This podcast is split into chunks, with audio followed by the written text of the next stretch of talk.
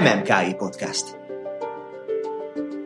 Az MMA Kutatóintézet Kultúrsok című műsora művészetről, újdonságokról, aktualitásokról. Minden, ami zene, irodalom, építészet, táncművészet és alkotás elmélet. MMKI Podcast. Tehát nyertem, és akkor kiderült, hogy itt ötvöződik az én két, két szenvedélyem. Szóval rajzolhatok is, és, és filmet is készíthetek, plusz egy olyan közegbe kerültem, ami, ami gyakorlatilag azonnal megfogott. 1961-ben kerültél be a Pannoniába. Honnan hallottál a Pannonia filmstúdióról? A Pannonia Filmstúdió akkor élte az első extenzív fejlődési periódusát, egy Frankl nevű amerikai milliómos betévett, és papájától kapott egy millió dollárt, és azt mondta, azt mondta neki, hogy azt csinálsz ebben, amit akarsz, ez átjött Európába, és, és ő gondolta, hogy rajzfilmeket akar csinálni, és megrendelte az Artura kis angyal, azt hiszem ezen a néven futott a sorozat, és hát erre kerestek, fejleszteni kellett, és létszámot bővíteni, kerestek rajzolókat, és a, bementek a kisképző és a végzős diákok közt berguváltak, és azt hiszem három, hárman a akkor felvételizettek közül bekerültünk, és ketten, az egyik az viszonylag hamar elment, fölvételizett azt hiszem a Műszaki Egyetemre, és a másik pedig átment aztán a szinkronba, ott a szinkron stúdióban fejtette ki áldásos tevékenységét, én maradtam abból a garnitúrából a, a rajzfilmnél. Úgyhogy így, így történt a, a Pannoniába kerülésem, és az ott rekedésem is, mert hát az egy szégületes világ volt ott a számomra, a magyar filmekben látott nagy sztárok, színészek a büfében sztoriztak, plusz rajzolhattam, és amikor az első mozgáspróba, amit rajzoltam fázisról fázisra, a vetítőben megelevenedett, hát az egy óriási élmény. A, a, a holtrajzokból egy, egy mozgó, élő valami lesz, úgyhogy ez, ez megpecsételte a, a sorsomat. Kikkel dolgoztál együtt a legelején? Dargai Attilához kerültem rögtön elsőnek. A, ő akkor a Dióbér királyfi kezdte éppen. Ö, fiatal, többnyire csinos lányokkal ültem egy szobában, és csak megjelent úgy 11 fél 12 körül Dargai Attila hóna alatt hat sörrel, és á, te vagy az új fiú, na gyere, mi éppen indulunk a filmmel, és itt az a szokás, hogy amikor azt megünnepeljük, és akkor kocintunk mindig, sörrel kocintunk. Na, még jó egy néhány film kezdést megértem Attilával, soha többet nem volt ilyen ilyen ünnepélyes sörözés, de viszont volt mindenféle közös kirándulás. Attila egy szégületes, jó társasági ember volt, otthon meghívott, meghívta a stábtagokat, mentünk a kőhegyre kirándulni. Ezzel együtt aztán nem, nem teljesen volt áldásos a kapcsolatunk, mert éppen valamilyen filozófiai előadás sorozatot szerveztek a Panoniában munkaidőben, nem esztétika, valamilyen esztétikai témában, és én azt meg akartam hallgatni. És egyszer csak nyílik az ajtó, és gyere, gyere. Mondtam, jó Attila, jövök, de ezt meg akarom hallgatni. Na, gyere, nem. Becsukta az, megcsapta az ajtót, és állított visszament, és tajtékzott, hogy kirúgatom, kirúgatom ezt. Meg mondtam, hogy bemaradok annyival tovább, nyugi, ezt le fogom dolgozni. Na, meg valami megkattant a kapcsolatunkba, ami aztán később természetesen rendeződött, de amikor a Jankovics Marci már a Gustav sorozat kezdődött, ez a másik, a Frankl-féle Arthur sorozaton kívül, amire embereket toboroztak, és mondom, ilyen komoly fejlesztés indult be a Panoniánál, és a Jankovics Marci stábot akart alakítani és keresett, és hívott magához, és akkor mondta az Attila neki, hogy nagyon be fogsz maradni a, a délen. Jó, jó, bízd rám. Akkor mi már régóta együtt teniszeztünk, és nagyon jó privát haveri kapcsolatban is voltunk. De az, amit az Attilától abban a néhány évben, amíg nála voltam, tanultam, az, az nem volt felejthető. Bálint, neked miért pont az animáció? Fú, hát... Uh, Esetleg a Béla miatt? Ja, jó, persze. Itt uh, tudok sokat masszírák. Jó.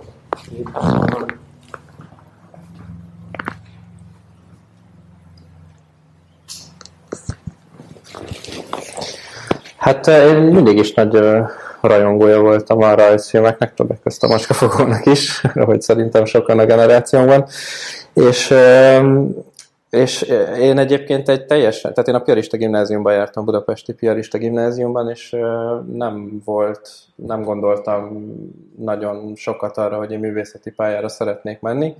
De úgy, de ott tehát viszonylag jól teljesítettem egyébként a gimnáziumban, de azért nem egyik se, egyik tudományák sem ragadott meg annyira, és akkor tulajdonképpen az történt, hogy szerintem ezt fel, észrevette, észrevették a szüleim, és megkérdezték, hogy nem akarok elmenni rajzolni, mert a, a bátyám Gellei Kristóf ötvös művész, és ő is rajzolni kezdett, tehát ez egy ilyen, úgy tűnik, hogy nálunk az ilyen családban a fiúk azok erre a ezt a hobbit találták meg maguknak, és akkor az elég jól ment, nagyon élveztem rajziskolába járni, nagyon, ez egy ilyen jó kiszakadás volt nekem kicsit így a, az amúgy elég kemény gimnáziumi légkörben. Melyik rajziskolába jártál? Először a Budai rajziskolába, és aztán hm. pedig a Kormény rajziskolába. És aztán Hát így közeledett az, hogy el kéne dönteni, hogy hova felvételizek, és akkor van, van az a könyv, amit szerintem mindenki a kezébe veszi ilyenkor, hogy szépen végigbogarásza, hogy mely milyen továbbtanulási lehetőségek vannak, és akkor megtaláltam, hogy van ilyen, hogy animációszak az akkor még iparművészeti egyetemen, és akkor amint én ezt megláttam, akkor azonnal egy ilyen, nem tudom, megvilágosodtam, hogy hát én erről miért nem tudtam eddig, hogy ez van. Szerencsére még még volt két évem az érettségig, és akkor én azonnal tudtam, hogy én ezzel szeretnék foglalkozni, csak nem tudtam, hogy ilyen egyáltalán létezik. Úgyhogy aztán elkezdtem ilyen egyetemi előkészítőkre járni, Korda Évához jártam leginkább, legtöbbet a ilyen felkészítőre, és aztán felvételiztem. A... És ott, amikor felvételiztél, akkor bekerültél már a létező Mome Animra? Igen, Ö, igen, akkor, pont akkor váltott egyébként nevet az egyetem. Mi voltunk az utolsó ilyen öt éves, most már azóta ugye ez a BAMA 3 plusz két éves rendszerben működik az oktatás, de mi voltunk az utolsó évfolyam, akik még öt évig oda jártunk, és én, én ennek egyébként egy kicsit örülök, mert, mert azt gondolom, hogy, hogy nehéz lehet félúton megkérdőjelezni, hogy most akkor ezt szeretném-e tovább, vagy nem, hanem ez, ez egy öt éves elköteleződés, az szerintem egy fontos dolog. 2012-ben diplomáztál, akkor tehát pont 51 évvel azután, hogy, hogy Béla belépett a Pannonia Filmstúdióba.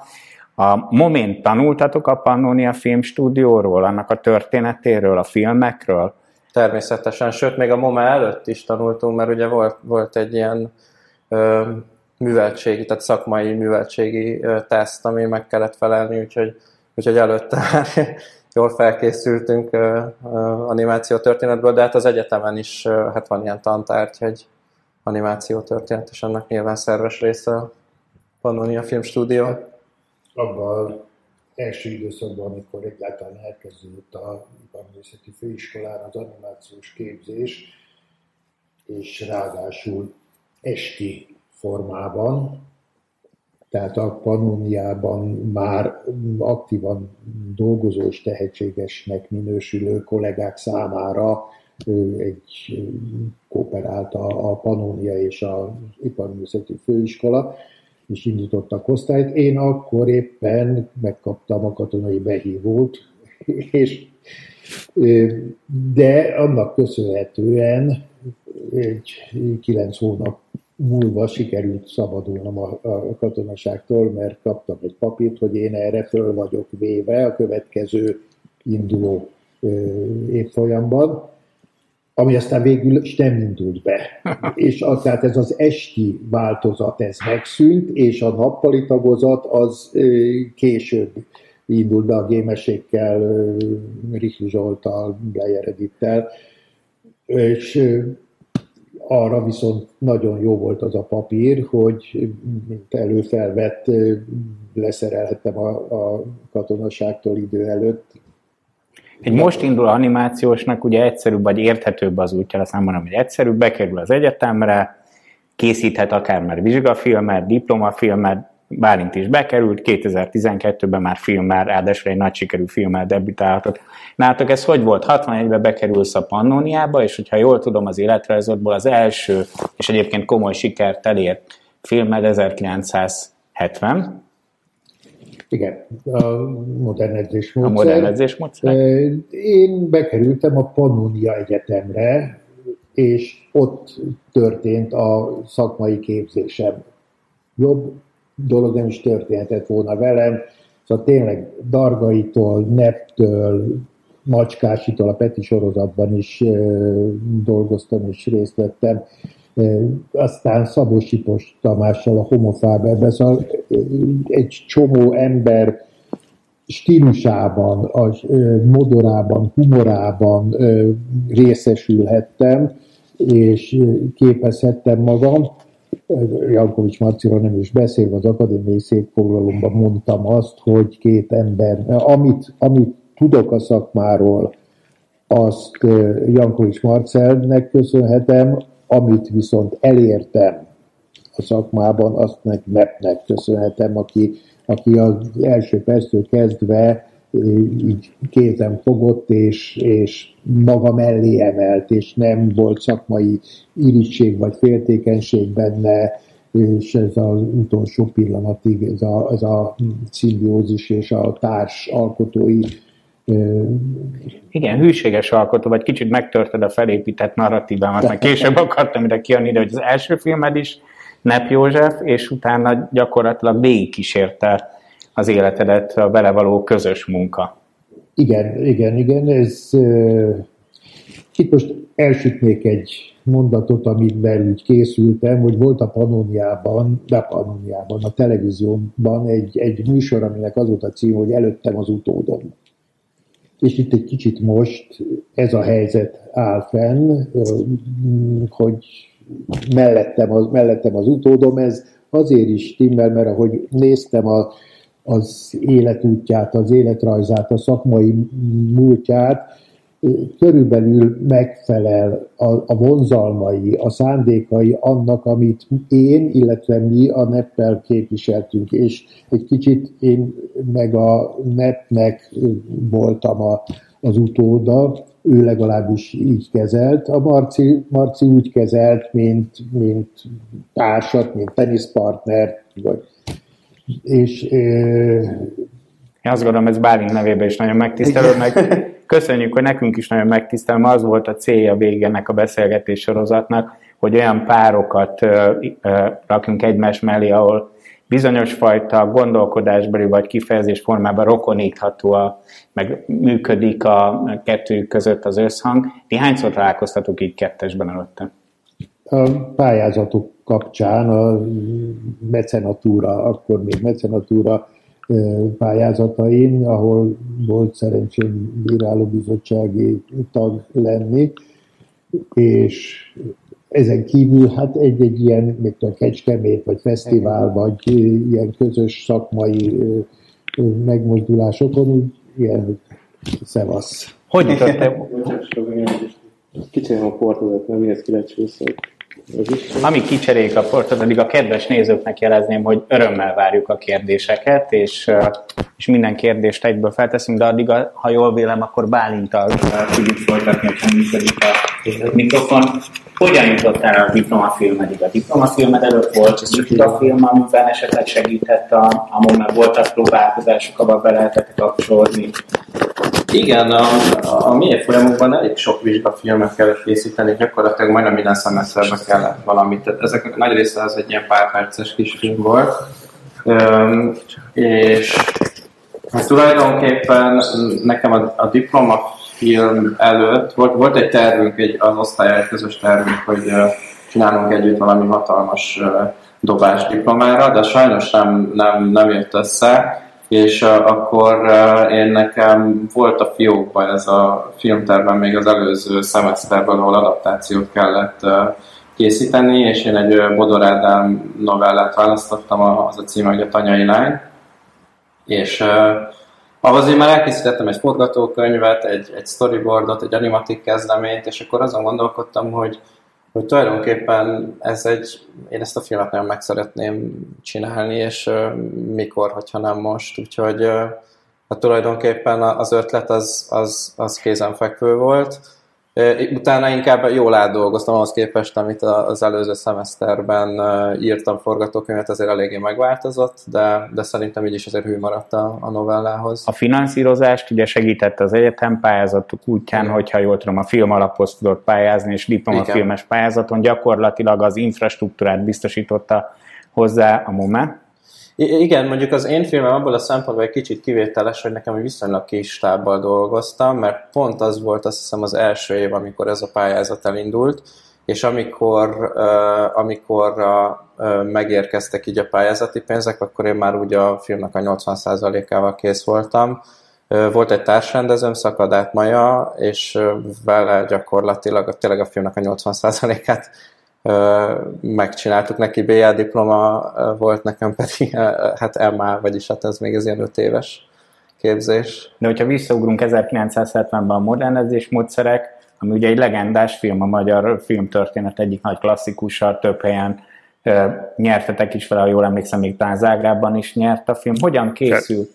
Hogy, hogy a Nep József írt egy forgatókönyvet, és engedélyeztettétek a Pannonia vezetésével, hogy hogyan, hogyan jött létre az ön első önálló filmed? Hát abban az időben, és a későbbekben is Nep Józsefet úgy lehetett tekinteni, mint a Pannonia házi forgatókönyvíróját. Nem csak nekem, rengeteg kollégának írt felkérésre forgatókönyvet, direkt felkérésre is, illetve a Matolcsi Gyuri, az akkori főosztályvezető, később osztályvezető igazgató felkérésére, azt mondta, Jóskám, kellenének forgatók, kellene a gémes Jóskának, kellene, aki éppen eljutott arra a szintre, hogy lehetőséget kapjon, de nem volt saját ötlete, vagy nem akart, vagy nem mert saját ötlettel előállni. Én is úgy voltam vele, hogy az egy külön szakma, szóval forgatókönyvet, jó forgatókönyvet írni, az, az egy olyan, ezt tudjuk most itt az NFI-nél is, az egy szakma. Néha egybevág a dolog, van, hogy a rendező vagy egy színész össze tud hozni egy nagyon jó forgatókönyvet, lehet, hogy csak egyszer az életbe.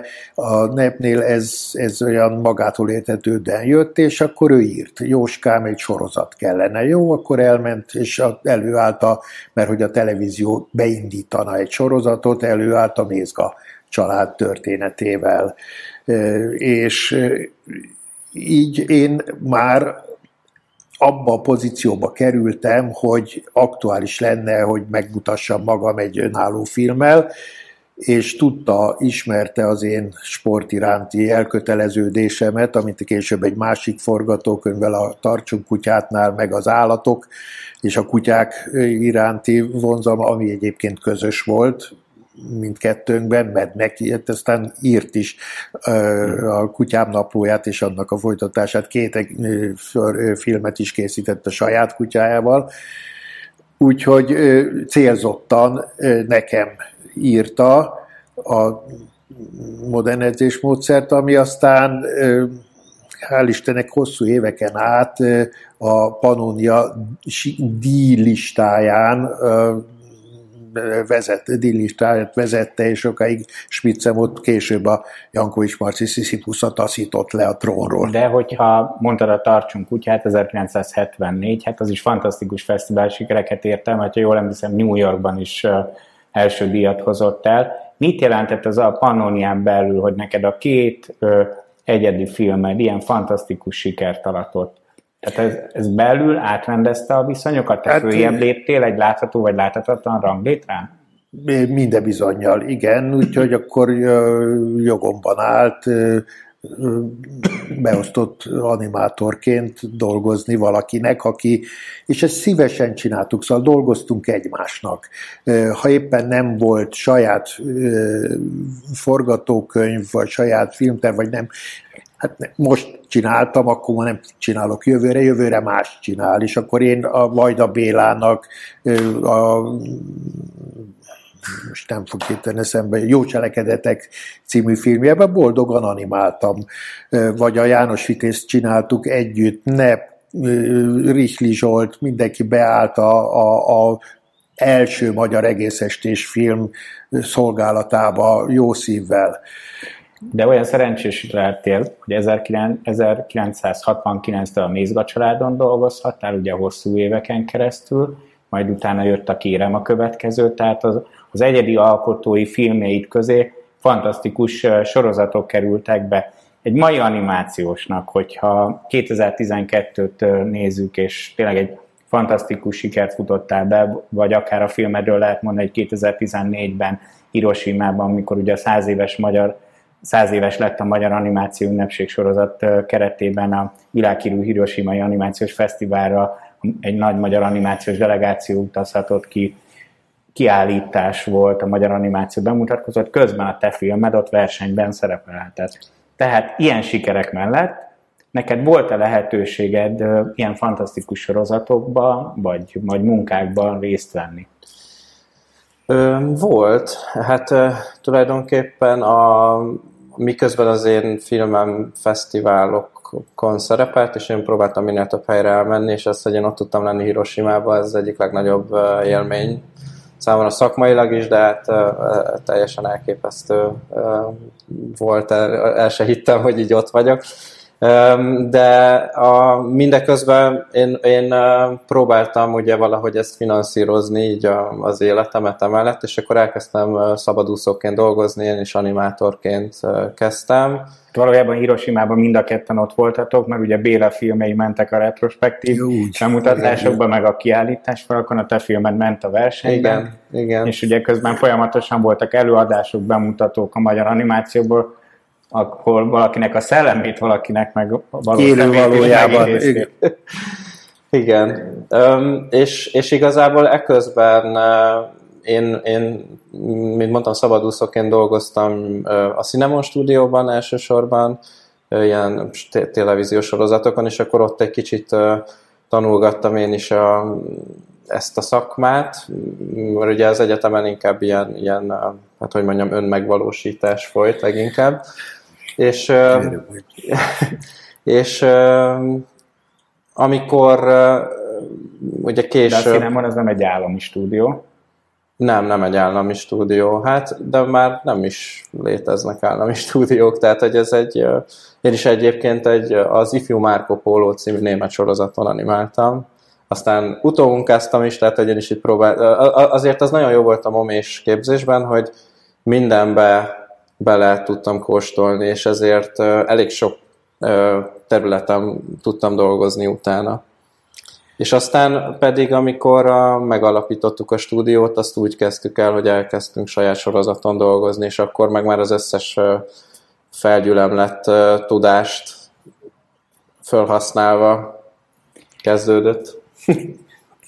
kezdtek készülni azok a nagyon jó sorozatok, amiket aztán módunk volt támogatni a mecenatúrán. Egy később időszakban, de még később... visszatérve mondjuk a, a 70-es évekre, a, a Pannonia Filmstúdiónál, hogyan tudott valaki bekerülni mondjuk a Mézga családba, vagy a Kérem a következőbe, vagy a 70-es évek közepétől a Gusztáv sorozatba rendezhettél epizódokat Rófusszal és más legendákkal együtt. Hogyan választotta, vagy kiválasztott benneteket egy-egy rész megrendezésre? Hogyan zajlott a munka kiosztás? Nagyon érdekes kérdés abból a szempontból is, hogy most egy teljesen más világot élünk, ahogy ahogy próbáltam is kérdezni, ugye nem létezik már egy ilyen nagy állami stúdió, ahol folyamatosan jönnek a munkák, nyilván sokkal szétpontozottabban léteztek, ti pedig ott valójában egy csapatként tudtátok előre vinni a, a, az animáció ügyét. Az egyik barátom fogalmazott, kicsit olyan ez a beszélgetés sorozat, mindig, mint hogyha legendák között járnánk, ugye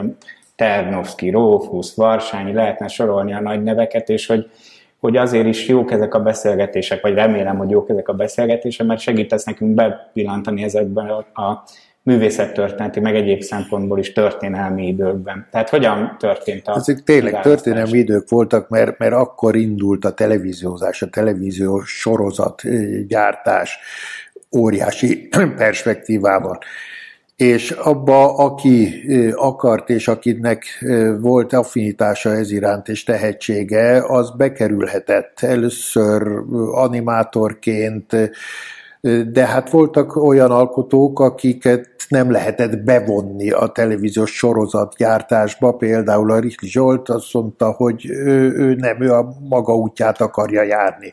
A Gémes, aki szintén a Moméről, a főiskoláról került oda. Ő készséggel állt rendelkezésre mindig mindenkinek és mindenben. Én úgy éreztem, hogy ezen a területen, szóval a közönség igényt kielégítendő. Én, én is teljesen maximálisan ki van elégítve az én önmagammal szemben támasztott elvárásom mert én mindig megmaradtam alkotók, vagy készítő, gyártóként is közönségnek, és olyat akartam és szerettem csinálni, amit mint közönség is szívesen nézek, néznék, és ebben voltunk a neppel nagyon összhangban. Marci Jankovics a lehető első alkalommal kivonta magát a sorozat gyártáshoz, később a népese sorozat, ami az ő nevéhez fűződik, ő is ebben nagyon aktívan részt vett, de, de ő, ő nem kívánt ezt a populárisabb vonulatát a műfajnak művelni. Ahogy mondtad, hogy a, a momén inkább ez a önkifejező, ön, önmagamat adó, saját világot alkotó folyamat, vagy oktatás, képzés zajlik. Ez eredetileg, amikor egyáltalán a főiskolán beindult az animáció, az avval a célral készült, hogy a Pannonia számára animátorokat, jó animátorokat képezzenek és aztán ott siklott félre a dolog, hogy nem, már rendezői diplomát kaptak. És akkor bekerül a panóniába, azt mondta, furcsán, én rendező vagyok, szóval én nem akarok beosztott animátor lenni valakinek a keze alatt, míg ez a panóniás belső folyamatokban abszolút természetes volt, hogy elindult akár fázisrajzolóként, vagy, vagy bekerült, és kulcsrajzoló, és végigjárva, megtanulva a Pannonia Akadémián a szakmát, jutott el a saját filmig, saját filmsorozatig.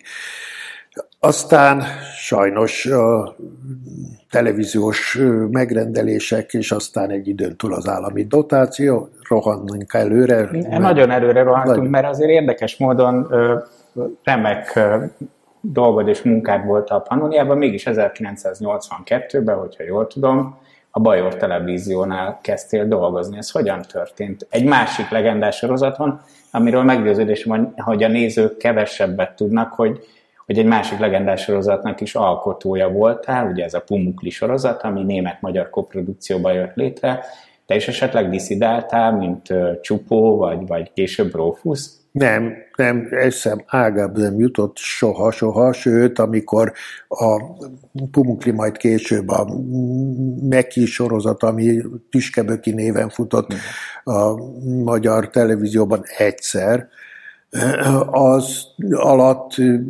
folyamatosan kellett kint lenni, hogyha egy hónapra kellett kimenjek, mert éppen a, a forgatása zajlott a, a Punklinak, és ott a ottani trükk mesternek kellett instrukciókat adni, akkor én már két hét után a fenevet meg, hogy jönnék haza. Ha két hétre mentem ki, akkor egy hét után. Ha egy hétre mentünk ki, már pedig mentünk sűrűn, mert ugye a karácsonyi bevásárlásokat is el kellett intézni a család számára, és ebben nagyon-nagyon eh, kedves és jó partner volt a, kül, a Koritovski, a német producer, hogy na, mikor akartok jönni, és akkor ő intézte. Tehát nem diszidáltam, teljesen legálisan. És hogyan született meg a sorozat ötlete? Hogyan kerültél bele a, a Pumukliba?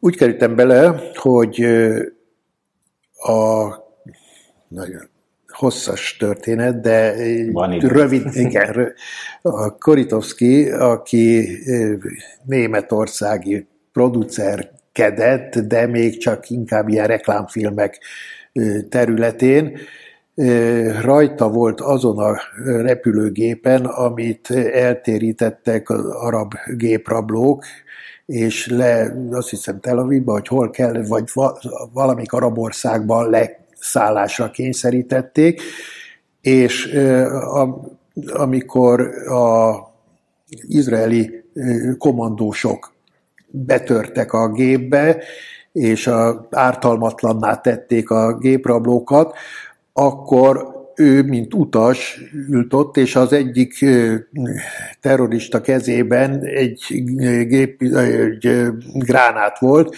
és készült kibiztosítani, és ő, mivel korábban az izraeli hadseregben kommandós kiképzést kapott, ő rávetette magát, és elvette tőle a kézigránátot, abba a pillanatban tér, törtek be a kommandósok, és látták, hogy ott áll középen egy kézigránát, és azonnal egy sorozatot engedtek bele.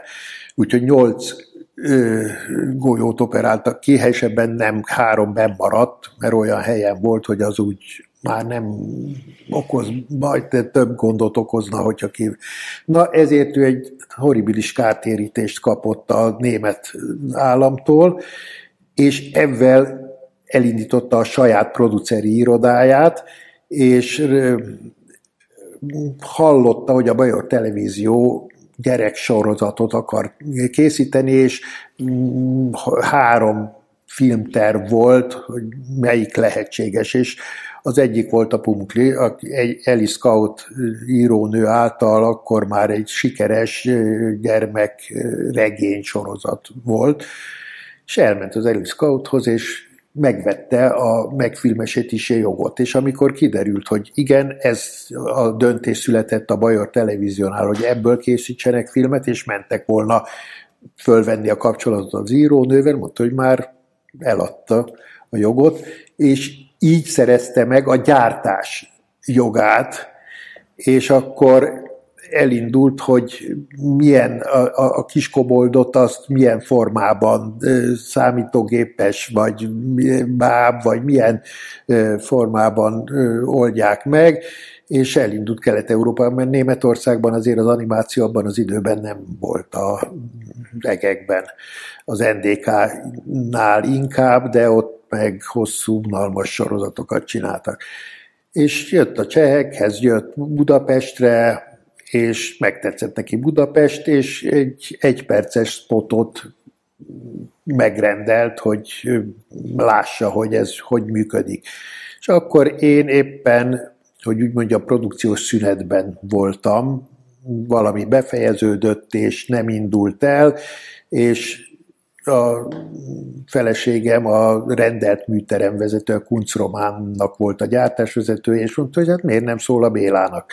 Ó, a Bélán, hát de nincs munkája.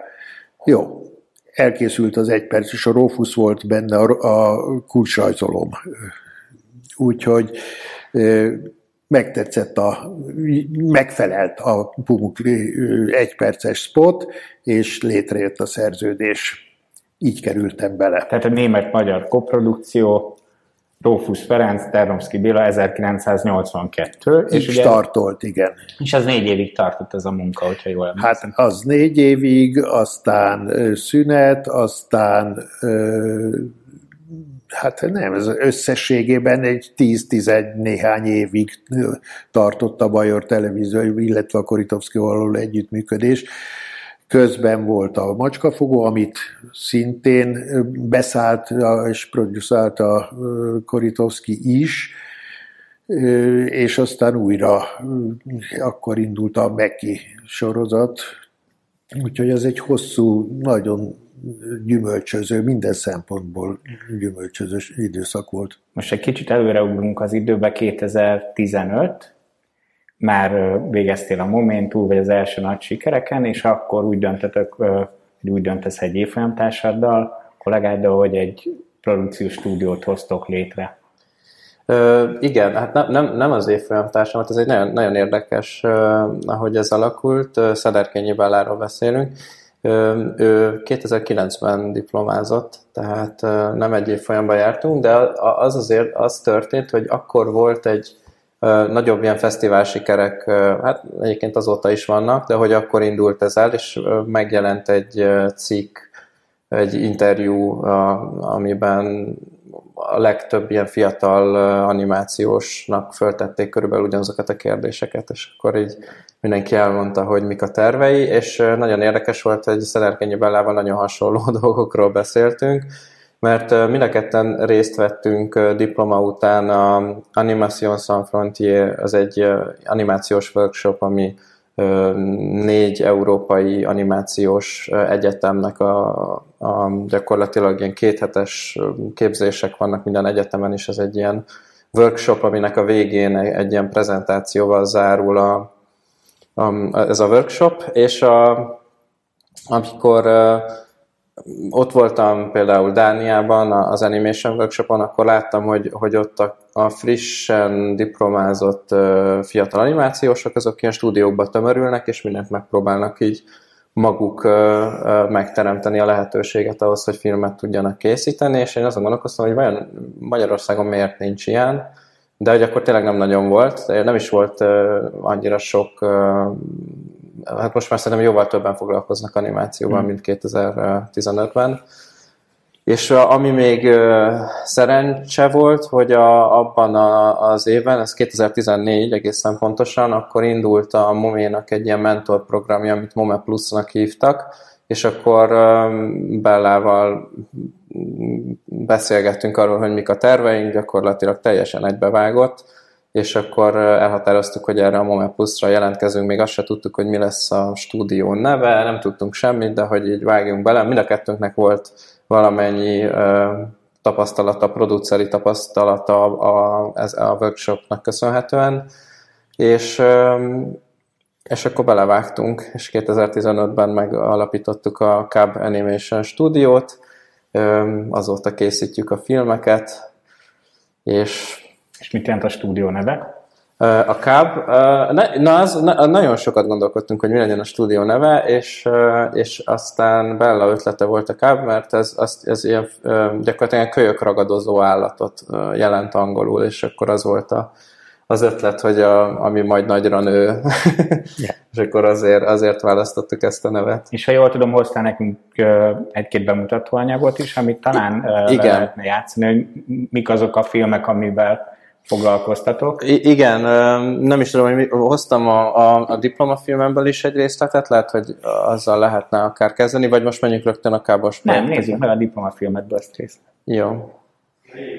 Ugye az, ez az, az Otthon című film. Ugye ez a diplomafilm, akkor egy kicsit mondjuk el 2012-ben 12-ben készült, és gyakorlatilag, hát ugye két, két évig járt fesztiválokra, és egy Hiroshima mellett még a, a, az egy nagyobb fesztivál, az a, hogy Ansziba bekerült a, a, a diplomafilmes um, szekcióba. Tehát valójában a világ két legnagyobb fesztiválján lehetett versenyben a filmed. Igen, igen, és ez egy hatalmas élmény volt.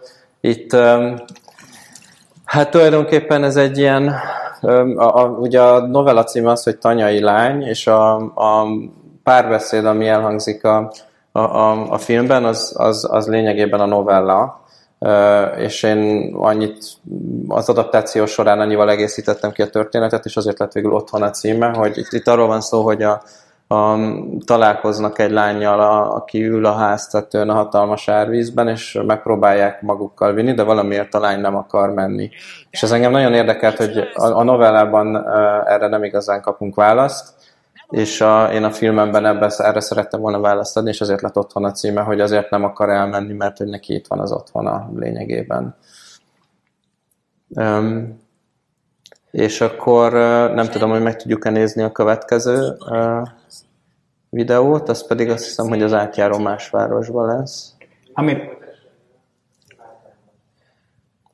amely, amely, aminek a születés körülményeiről egy kicsit mesél, hogy hogyan jött, ugye ennél a filmnél tudjuk csak a nézők kedvéért is, hogy ez a film ez egy diplomafilm ez a NOME szervezésében, amely a, a Nemzeti Film Alap diplomafilmes pályázatán kapott támogatást, Igen. ugye 2012-ben, ez egy más helyzet, mint amiben Béla készíthetett filmeket. Még a Pannoniás stúdióban, hiszen a Pannoniás stúdióban egy központi költségvetésből segíthették a filmek megszületését, majd ugye a 80-as években a német-magyar koprodukcióban létrejött Pumukli sorozat is egy más konstrukcióban, de nem ebben a klasszikus pályázati formában jött létre, és a, a, a következő filmet hogyan született, amiből részletet fogunk látni? Az, az átjáró, átjáró másvárosba, hát ott elkezdtük a stúdiót, és hát igazából elég hamar rájöttünk, hogy ahhoz, hogy fent tudjunk tartani a stúdiót, kell valami olyan hát film, tehát hogy művészfilmekben nem nagyon lehet fenntartani egy stúdiót, azt hiszem ezt elmondhatjuk.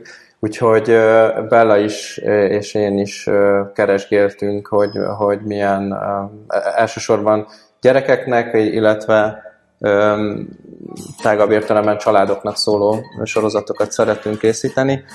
Ez egy könyvadaptáció, Magyari Andrea átjáró másvárosba című sorozata, sorozata, bocsánat, könyvének az adaptációja, ami egy sorozat, és, és lényegében ez úgy történt, hogy bementem egy könyvesboltba, és, és keresgéltem, és ezt így levettem ezt a könyvet, és így rögtön már a borítón az illusztráció nagyon tetszett, beleolvastam.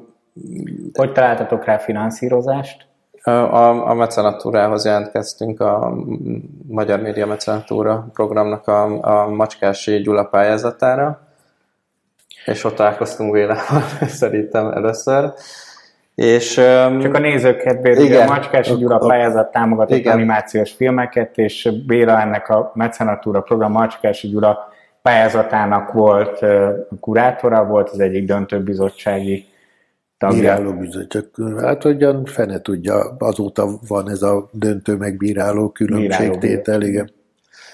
Igen, és, és akkor tulajdonképpen én megkerestem Magyari Andrát, hogy nekem nagyon tetszik a könyve, és nagyon szeretnék belőle animációs sorozatot készíteni, ő ennek nagyon örült, és a könyv illusztrátora Mészei Ilkát is megkerestem, mert nagyon tetszettek az illusztrációk, hogy nem gondolta arra még, hogy animációs filmhez tervezne figurákat, meg háttereket, és aztán mind a ketten nagyon, nagyon örültek ennek az ötletnek, és akkor így elkészült az első epizód 2016-ban, ez egy ilyen pilot epizód volt, és hát azóta... Én emlékszem még a pályázatra, amikor a Béláig behozták prezentálni ugye a Mecenatúra programba a ti anyagotokat, és arra emlékszem, hogy talán azt mondtátok, hogy nincsen kérdés a, a, a pályázati anyaghoz, hogy annyira meggyőző volt, amikor amikor ezeket átbeszéltük annak idején. Igen, ez itt most kaptam magyarázatot arra, hogy Bálintnak tulajdonképpen ez a produceri érzéke, ez itt milyen jelentős szerepet játszott, mert nagyon sokan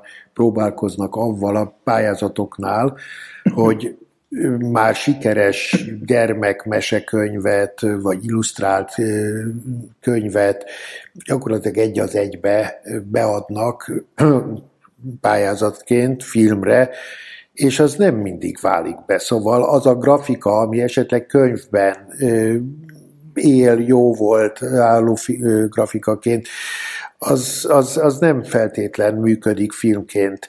És itt az volt, hogy nyilván a, a szemed látta benne az anima, animációs lehetőségeket, és a, a grafikus is, amikor aztán kötélnek át, akkor idomult a elvárásokhoz, a filmes elvárásokhoz, szóval itt egy szerencsés találkozás volt, úgyhogy itt olyan nagy kérdés nem volt, ez, ez témájában, megjelenésében, kivitelezésében ez támogatandó. Tehát könnyen általálta is az egyedi filmről a, igen, a szórakozás. Igen, igen, és, és nekem tényleg az volt a fontos, hogy tehát az elején én is próbáltam hozzá figurákat rajzolni, de valahogy nem volt olyan jó, mint az Ilkáé. Még annyi történt, hogy a csapatba beszállt Bognár Éva Katinka, és aki nekem az osztálytársam volt egyébként az egyetemen, és akkor Ilkával ketten alkották gyakorlatilag a látványtervezői csapatot, ők ketten, és Katinkának azért volt animációs tapasztalata, Ilka ugye elsősorban illusztrátor, hát most már neki is van animációs tapasztalata, és akkor én, én nagyon boldog voltam, hogy nagyon jól együtt tudtak működni, és, és, és szerintem egy, egy nagyon, tehát hogy a könyv látványvilágához hű, de annál attól elemelt, Igen. gazdagabb látványvilágot tudtunk teremteni a sorozatnak. És emlékszel, hogy kik voltak a, a bírálók, akikhez be kellett menni prezentálni a tervet? Emlékszem, igen. Hát Béla mellett Varsányi Ferenc és Kerek Béla. És ilyenkor egy fiatal animátor, aki bemegy egy ilyen terve, tervet prezentálni, így összeszorul egy kicsit a... Kicsit a... igen, először igen. El, elsőnél um, igen, hát, de hát szerintem ez természetes, és aztán ugye több részre egyenként pályáztunk, mert akkor még így, így csináltuk az elején, és, és akkor már amikor a második vagy a harmadiknál, akkor már nem volt annyira. Azért is kérdezem, mert mi is így voltunk, ugye, amikor ugye a Bélát a Mecenatúra program bíráló bizottsági tagjának fölkértem, mi nem, nem ismertük egymást személyesen, és, és határozott izgalommal vártam a találkozást, hiszen gyerekkorom egyik ikonjával találkozom a legendás macskafogó rendezőjével, amit kb. 778 ezer nézett meg az ember otthon. Nem csak a szüleim, én, de már a gyerekeim is Igen. szinte kívülről tudják a macskafogó összes jelentét, és 1985-ben vagyunk. Hogyan születik meg a macskafogó ötlete? Hogyan, hogyan születik meg a, a, a, a film? Ugye, ami, amiről nem, nem csak mint animációs filmről, hanem az egy, egy olyan filmről is beszéltünk, ami a magyar filmtörténet egyik, bátran mondhatjuk, klasszikusává emelkedett, vagy nem esedett, ami nem csak eddig, hanem ezután is meggyőződésem nagyon sokan nőnek fel, sőt beépült szerintem a magyar nyelvbe, meg köztudatba, meg közgondolkodásba, tehát találkozunk külföldön egy másik magyarra, biztos, hogy tud a macska fogóból részletet idézni, mint ahogy biztosan el tudja dúdolni, hogyha kis zenei érzéke van a magyar népmeség főcímdalát, tehát hogyan jött létre ez a csoda?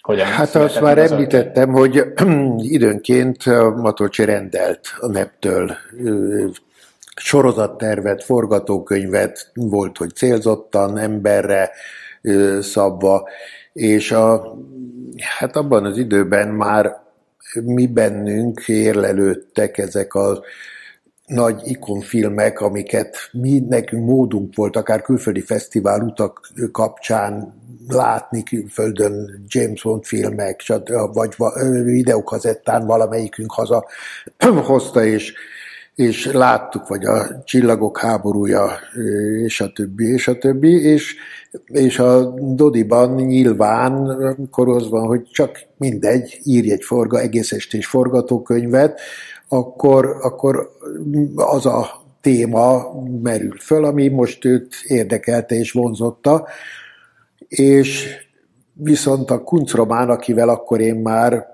Punkli ügyben én hosszú évek óta együtt dolgoztam, ő tudta és ismerte már a Gusztávok történetek során, hogy melyik, melyek azok a témák, amik engem vonzanak, engem érdekelnek, és azt mondta... Bocsánat, csak hogy egy, megérdemli, hogy a Kuncromáról is egy pár szót mondjuk, mert talán ő keves, kevésbé ismert, mint a Nep József, vagy a Matolcsi György, tehát Kuncromán gyártásvezetőként közgazdász végzettségű kollégaként dolgozott ugye a Pannonia Filmstúdióban, és utána később vele alapítottátok meg, Igen. ha jól tudom, a Studio 2 Kft., ami az Közgazdászként, gyártásvezetőként, aztán műteremvezetőként, kifejezetten a rendelt műterem, és tehát a külföldi koprodukciós rendelt filmek, meg a belföldi rendelt filmek területén volt ő a műteremvezető, és így a, ő hozzá került Apunklinak a spot megrendelése, és ő kért aztán így föl. És hát akkor ez egy nagyon tartós együttműködésé alakult az elmúlt évek során, és ő tudta, hogy ez a forgatókönyv, ami bekerült, amiből sok készült, és aztán úgynevezett dramaturgiai tűrtseleit kategóriában a Dodinak kifizették, de sosem lett film belőle, de hogy legyen a raktáron, hogyha valakinek kell, legyen miből válogatni. És ez is a, még nem jutott el a dramaturgiai tűrcselejt szintjeig, mert a Kuncroán kiemelt, és az, ez, ez, ez szerintem neked való, mondta nekem. És ez így is volt, nagyon nekem való Hányan volt. vagyunk? 93, 94, 83, 84, és akkor pályáztunk vele, mert akkor már elindult ez a... Ez a forgatókönyv akkor milyen állapotban volt ez a mostani, a most ismert dramaturgiát és narratívát követi? Ez ugyanazok a párbeszédek vannak? Zömében igen, igen. 90 százalékban. Szóval, sőt, a Dodi, mert ő úgy dolgozott, hogy, hogy rögtön rajzolt is, szóval egy, egy provizórikusnak mondható storyboard formájában hmm. volt már. Ez a Dodi munkanév alatt. Dodi a Nepp József, igen. igen. Csak hogy a, fejtsük fel a nézők kedvéért, hogy ki, ki, és ha a filmfőigazgatósághoz kellett akkor benyújtani a filmterveket, az egy rövid filmterveket épp úgy, de azt megelőzte általában egy belső művészeti tanács. És amit a belső művészeti tanács érdemesnek talált, az került a filmfőigazgatósághoz fölterjesztésre. A macskafogó is bejárta ezt az utat, és kellő letolásban, vagy hát elutasításban részesült avval, hogy ez nem felel meg a kulturpolitikai elképzeléseinknek, sem művészi, sem tartalmi szempontból, úgyhogy, de annyit azért megengedtek, hogy amennyiben a Panónia saját erőből, onnan lett volna a Panóniának saját ereje akkor még, vagy külföldi koprodukciós partner segítségével nem vetik gátját annak, hogy megvalósuljon. Um, um, ehhez a, ezekhez a mondatokhoz hozzájárulhatott az is, hogy mondjuk a Rófusznak két filmét tiltották be, 82-83 ugye a Gravitáció, meg a Holtontnak is leállították már a forgalmazását egy idő, tehát az első hát, sikerek után. Igen, igen, ez az a bizonyos több lépcsős a Pannonián belül zöld utat kapott, a filmfőigazgatóságnál nem. És akkor az, az annyi volt, hogy akkor stop. És azt mondták, hogy akkor próbáljátok meg külföldi partnert keresni? Igen, igen, és annak ellenére, hogy azért a Panóniának akkor már elég pontosan a punkliból elég szép bevételei voltak, de az nem kifejezette a műteremhez vagy az alkotóhoz jutott, hanem a Panónia egészének, amiből ő neki gépeket kellett, programokat vásárolni, kecskemétet részben beindítani, tehát volt helye bőven, és az, hogy ezt egy egész estés film finanszírozására fordítsa ezeket a bevételeket, az elképzelhetetlen volt. Úgyhogy addig, amíg a széfel föl nem tűnt a Pannonia egén, addig ez egy vágy álom volt, hogy a macskafogó minnyáján, mint mi, akik, akik érintettek voltunk benne, nagyon akartuk és szerettük, de az akkor vált lehetővé, amikor Széfel megjelent Magyarországon, ő olajban magyarra tetszett, és magyar lévén azt mondta, hogy ő a magyar kultúrára áldozna. és bement a minisztériumba, és kérdezte, hogy mibe érdemes, mert azért üzletember is volt, tehát, hogy nem akarja teljesen kidobni a pénzét az ablakon, mi az, ami vélhetően rentábilis befektetés, és akkor mondta ott neki, hogy amik piacképesek nyugaton is, az a, a győri balett, a magyar komoly zene, és a animáció, ami akkor már azért nemzetközi díjak kapcsán elég jelentős nemzetközi sikereket ért el.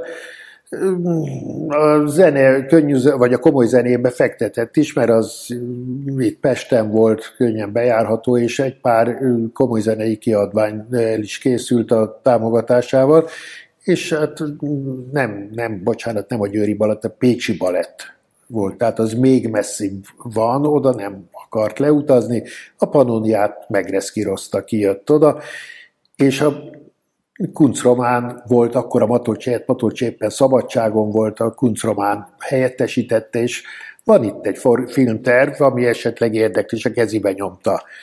Hazavitte, ugye magyarul volt a forgatókönyv, magyar volt, el tudta olvasni, másnap visszajött szerződést kötni. És te is így voltál vele, hogy amikor először elolvastad a forgatókönyvet, akkor te láttad, hogy ez... Hát, hát, hát frenetikus volt, persze, persze. Bocsánat, Bárinti tanultatok mondjuk a macskafogó születéséről az egyetemen, mint animációsok, hogy hogyan jött létre? Ez ilyen részletesen nem. Tehát, hogy én, én azért nagyon élvezem ezt a beszélgetést. Hát én, én, Nyugodtan kapcsolj be a kérdésekkel, meg várjuk egyébként a kedves nézők Jó hallgatni. Tehát igen, és egy, másnap jött vissza, hogy... Másnap jött vissza. Úgyhogy mikor a Batocsi visszajött szerző a szabadságról, akkor döbbenten hallotta, hogy itt közben ilyen ügylet, ügyletköttetett, vagy üzletköttetett. Mekkora részét finanszírozta ő ennek a filmsorozatnak? Akkor az úgy tűnt, hogy a száz százalékát, tehát akkor egy ilyen százezer dollár körüli hmm összegben született, a, akkor úgy nézett ki, hogy abból meg lehet csinálni. Hát meg is lehetett volna. Megkötöttétek a szerződést. Mi volt a következő lépcsőfok? Kiválasztotta ki a, a, a, a veled dolgozó csapatot? Hát azt aztán már én. Azt én, a, a Dodi ott azt mondta, hogy ő köszöni, ezt így átadta, uh-huh ez az én filmem, ő ebben nem akar részt venni, úgyhogy akkor a Maros Zoli, Maros Zoltánt, aki akkor már a Pityke őrmester sorozatot megcsinálta, és hát Gusztáv filmekben animált és társrendezőként velem dolgozott, meg, meg minden szempontból együtt fociztunk, együtt szóval abszolút branchbéli volt, vagy hogy mondjam, stábbéli. Evidens volt, hogy ő és hát tudtam, hogy kik, milyen animátorok jöhetnek számításba, és létre kellett hozni egy akkora stábot, ami, ami képes egy két év alatt legyártani ezt a elég kivitelezésében elég igényes animációban. És a, jó Mennyi ideig tartott az előkészítés? Hát lévén, hogy a storyboard már lényegében megvolt. Abval nem kellett időt tölteni, a figuratervezés mehetett paralel tulajdonképpen a, a, a hangfelvétel, dialógfelvétel, tehát a színészválasztás. Kik csinálták a figuraterveket? Maros Zoltán és, és én, de a zömét a Maros Zoli, el is, és akkor ő lett volna, hát akkor mi layoutosnak neveztük, vagy látványtervezőnek, nem. De igen, talán lát, nem, mert a látványtervező az már egyben a háttere, hátteres is, tehát mit tudom én, vezető, anima, vezető jobb, jobb, mit tudom én, milyen pozícióban, akkor még ezek nem voltak tisztázva, az volt a lényeg, hogy mire a főcímre kerül, a vége főcímre, addigra legyen eldöntve, hogy mi, hmm. milyen titulust kap a az illető, úgyhogy ő elkezdett velünk dolgozni, és körülbelül a, egy első 15-20 percig jutottunk, amikor kapta fel, felkérést, hogy a Disney, a francia, a Párizsi Disney stúdió tudna neki munkát adni, és hát itt ki kell arra térni, hogy ez a generáció, Rófusz, Hernádi Tibor, Maros Zoli, most hirtelen nem jut eszembe a, a több lehotai, szóval azok ott álltak csőre töltve éhesen, mint egy következő generáció, de még ott volt a Dargai, a Nep, a Jankovics, a Gémes, a Richli, a Ternovszki, szóval akik még, még úgy érezték, hogy még tartogat számukra az élet valamit. És ahhoz Közben kép... sorod azon gondolkodom, hogy vajon melyik magyar filmes ág, vagy művészeti ág ilyen gazdag, hogy mondjuk egy vagy két évtizeden belül felsoroltál tíz olyan nevet, akiket gyakorlatilag az animációs vagy a filmes szakmán túl is ismer a nagy közönség. Ugye köszönhetően ez ugye nagy részben a Pannóniának, meg Matolcsi Györgynek, hogy egyáltalán az alkotások megszülethettek, megszülethettek, meg köszönhető annak a tehetségnek, amivel ez a generáció rendelkezett érdekes együttállás, mint hogyha az animációs, nem tudom, aranycsapatát volna össze a 70-es, 80-as években. Bocsánat, csak visszatérve. Igen, csak nehéz, e, ez az ifjabb generáció nehéz helyzetben volt, és ezért is volt az, hogy a Rufus is e, e, az Oscar díjával a hóna alatt végül kiment, a Maros Zoli kiment, Hernádi Tibor leköltözött Pécsre, szóval, mert akartak volna. Hát, ha jól tudom, a Maros Zoli például a New York Times-hoz került, vagy rosszul tudom, hogy talán ott is dolgozhatott? Nem, ő végig a, végig a Disney stúdióba, amíg meg nem szűnt, azt hiszem, mert már tám meg, megszűnt. De ő végig ott volt, és nagy produkciókban volt vezető animátor, úgyhogy ő, ő ott nagyon megállta a helyét, és a magyar animáció hírét öregbítette kin, de nekem az akkor nagy érvágás volt, hogy, hogy elment, és itt félbehagyta a közös munkát, és akkor kértem meg a gémest, hogy, hogy szálljon be, és vegye át a, az ő munkáját, és első szóra és zseniálisan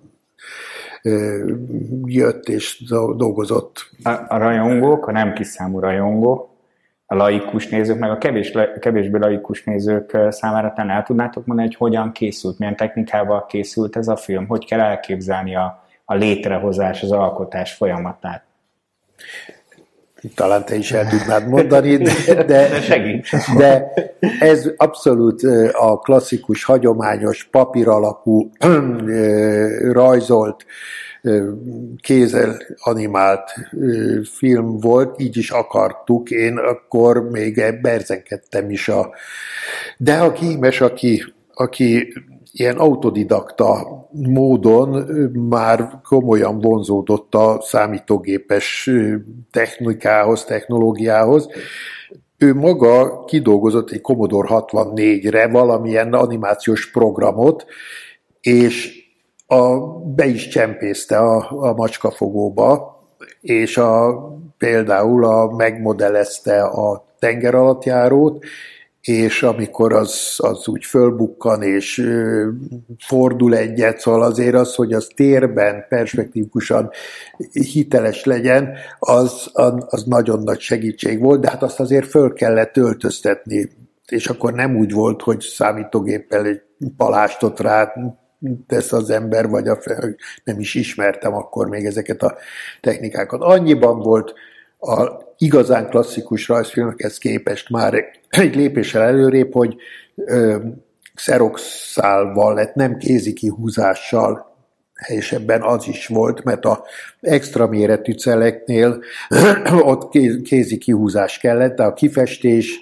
az, az még azért volt az, hogy a restaurálásánál hát elég komoly munka volt, a berohadt festékfoltokat, meg a fel, operatőr a trükkasztal alatt. A bizonyos... Mondjuk a nézőkedvére, mi, mi is az a cél pontosan? Hát ilyen átlátszó műanyag fólia, amire rajzolt, de és ebben pauszpapírra rajzoltuk, azt áthúzták kihúzók tollal egy fóliára, aminek a fonákját, a hátlapját kellett kifesteni, hogy a kontúr az, az fölül legyen, és aztán tárolni egész addig, míg az operatőröz nem került, azok ott az egymásra helyezett jelenetek súlyától fogva időnként összeragadtak, a festék lejött, akkor ott javítani. Szóval... Egy... Hány ilyen rajz készül? Ugye tudjuk a, a Rófusz filmről, itt volt Rófusz Ferenc a vendégünk, és mondta, hogy a, a Légy című filmhez 3800 kézi rajz készült. A macskafogó az hány? Sok tízezer, szóval nem, nem. És az a vicc, hogy elvileg ebből a celles technikából adódóan maximum öt réteget lehetett használni, míg most a számítógépes annyi léert használnak az emberek, amit akarnak, mert a egymásra rakott fóliák elvettek az, a, a színből, tehát a háttér színe az már egészen megváltozott, hogyha az hirtelen a öt helyett három lett, akkor olyan színugrások voltak, ezt lehetett valahogy kompenzálni, hogy kifejezetten réteg színekre, színeket dolgoztak ki, vagy kevertek ki, de egy őrületes babrameló volt. Tehát a, a későbbiekben, amikor a Xerox másolás, tehát hogy a fóliára már nem kézi kihúzással került, az már egy óriási lépés volt. Aztán amikor az, hogy az operatőr is megszűnt, és számítógépes felvétel. De még térjünk vissza a macskafog, mennyi, mennyi ideig készült maga a film? Hát két, két és fél év két és fél év. Te dolgoztál ebben a két és fél évben más munkával, vagy csak a macskafogó? Nem, az alatt, az alatt csak a macskafogó. Hát ott nekem, szóval abban mi manuálisan is dargai, gémes, nep, a beállítási rajzokat előanimáltok, az, ami most pózingolás, némelyik jelenetet annyira előanimálta az ember. Kicsit néző kedvéért, hogy mit jelent az, hogy előanimál? Hogy Hát teszem azt a... Szerintem sokan úgy vannak vele, hogy szeretnének bekukucskálni ebbe a rejtett dobozba, hogy vajon hogyan készülnek ezek az animációs filmek. Bocsánat, azért kérdezem ezeket tőletek, mert talán a leghitelesebb, hogyha ti meg, meg hogyha a macskafogó rendezője adja vissza ezeket. Az, hogy nem csak szóban mondom el az animátornak, hogy mit akarok látni, vagy mit szeretnék látni, hanem, hanem rajzokkal le is játszom, hogy mekkora túlmozgás legyen, milyen ellenmozgásból indítsa azt a üzét, és egy-egy jelenet, ami mondjuk egy két-háromszáz kocka hosszúságú, ahhoz 8-10-15 rajzot megadok, ami, ami determinálja azt, hogy, hogy, hogy kelljen neki csinálni, ne nagyon ö, ö, térjen el, vagy, vagy mennyire rugalmasan, mennyire elasztikusan animáljon.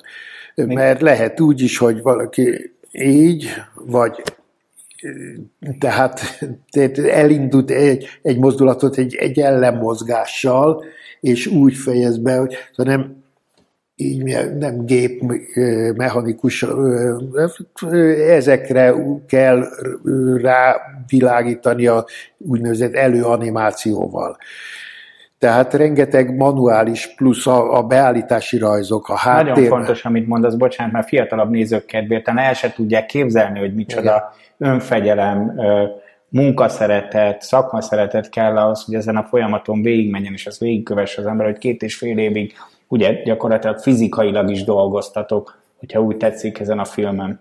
Hát hogy nem. és én, én mindig is azt mondtam, és azt vallottam, hogy hát kétféle rajzfilm készítő lehet, az, aki, aki csinálja manuálisan is, vagy aki kitalálja, megmondja, hogy mit akar látni, volt Vajda Béla, a Reisenbüchler Sanyi, szóval ők nem kifejezetten mag, a Reisenkler maga készítette, de nem, nem igazán az animáció volt a, a fő műfaja, nem is onnan, hanem a filmművészeti egyetem vagy főiskoláról jött, és nem a képzőművészet területéről.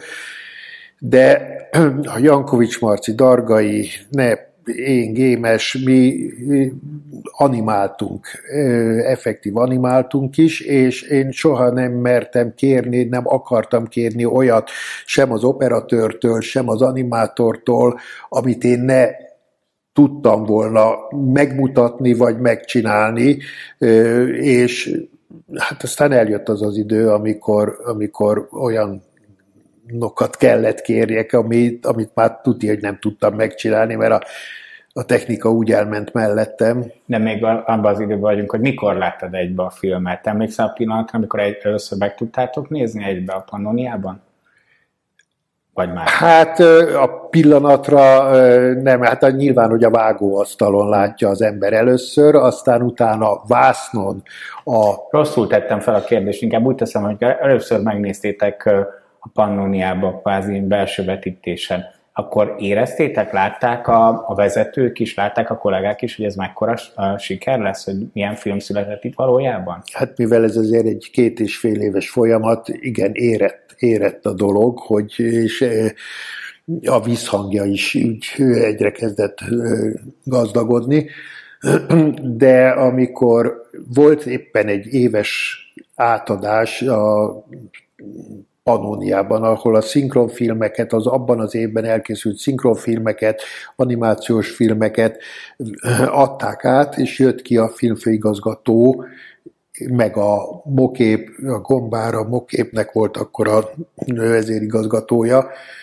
átvenni a filmeket, akkor a macskafogóból már egy három-négy felvonás elkészült, dialóg alá volt vágva, zörej, zörej is voltán alatt, a zene még nem, és akkor lement a hivatalos program, és mondták, hogy van még itt egy készülő film, egész estés film, abból is tudnánk mutatni. Na jó, nézzük.